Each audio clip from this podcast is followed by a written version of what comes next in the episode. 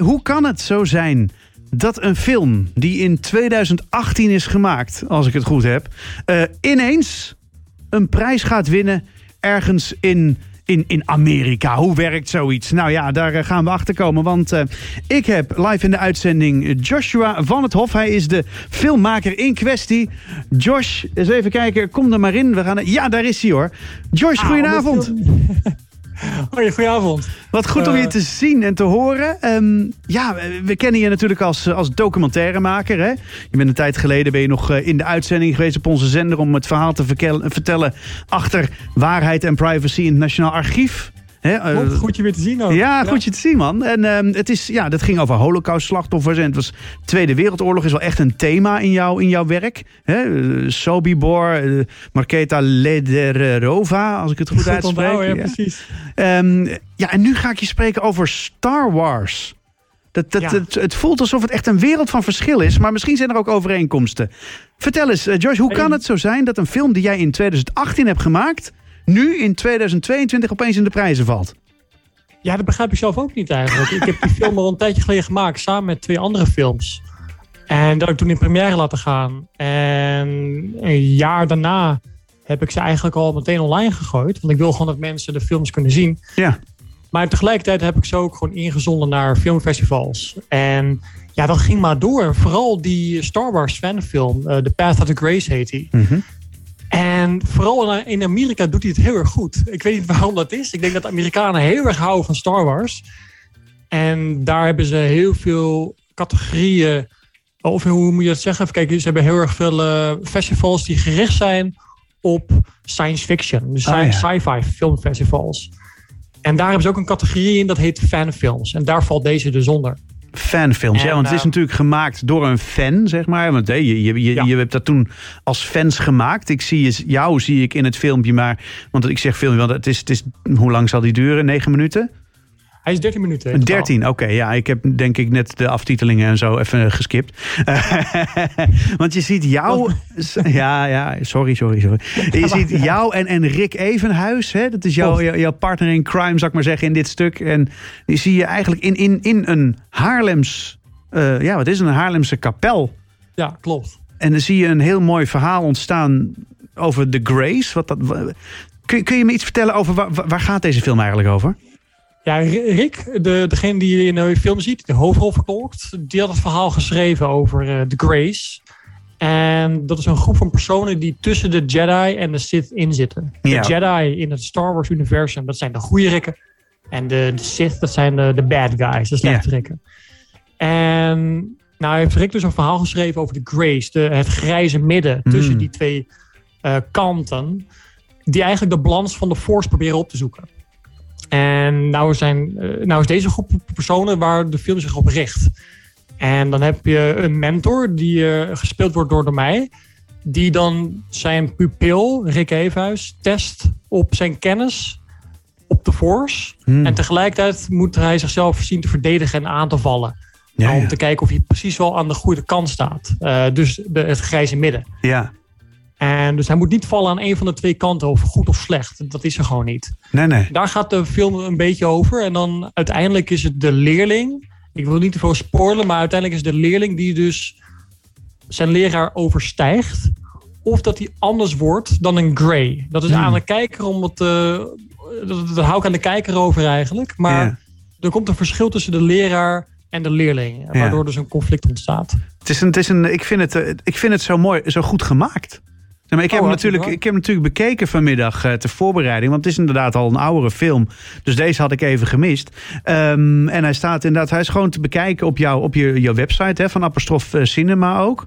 Ja, op Vimeo en ook op uh, YouTube is hij gewoon uh, exact. te kijken. Ja. Dus, uh, en, en, dus iedereen kan hem gewoon zien.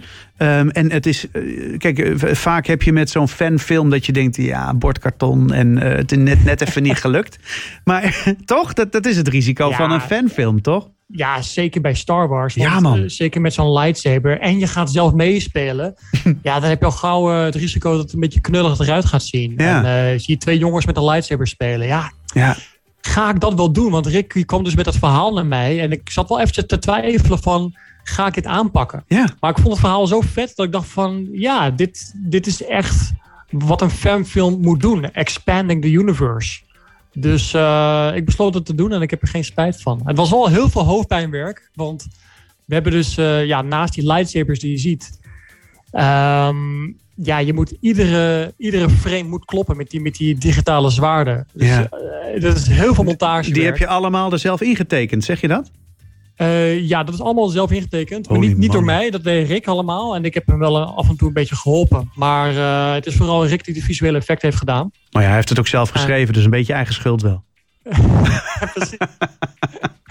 Hij moet op de lage zitten. Ja, jammer joh. Ja. Je, je, had ook gewoon iets over een schaakspel kunnen schrijven. Ja, kom op. Ja, dat zou makkelijk zijn geweest. hey, maar, hartstikke goed. En, en nu is dit dus terechtgekomen uiteindelijk bij, bij... Welk filmfestival is dit? Iets met Los Angeles, sci-fi? Ja.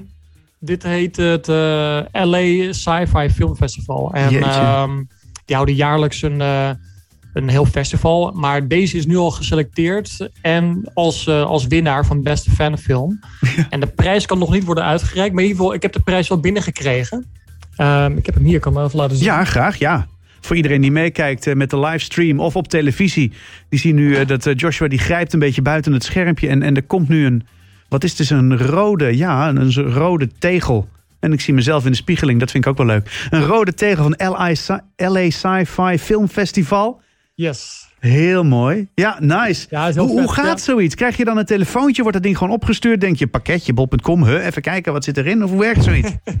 Toch niks nou ja, besteld? Ik, ik, ik, wist van tevoren wel. Ik bedoel, je krijgt ineens een mail van: hey, je bent winnaar van, uh, van LA Sci-Fi Fest. En uh, nou, te gek, weet je wel. En dan uh, wordt een trofee opgestuurd ineens.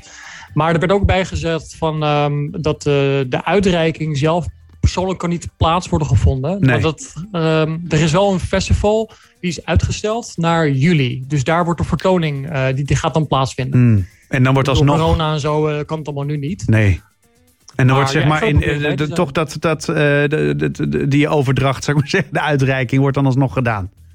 Ja, een soort van. En daarnaast heb je gewoon de, de screening. Maar waar het mij vooral om gaat, is het uh, ontmoeten van andere filmmakers. En andere Mm. mensen die ook uh, ja, creatief zijn in de filmwereld. Nou ja, dat is dan Dus, toch waar, eh, waar een Haarlemse eh, eh, cineast ineens eh, internationale faam eh, eh, verkrijgt door, door een, een film uit 2018. Hoe bizar kan het leven Ja. lopen, joh?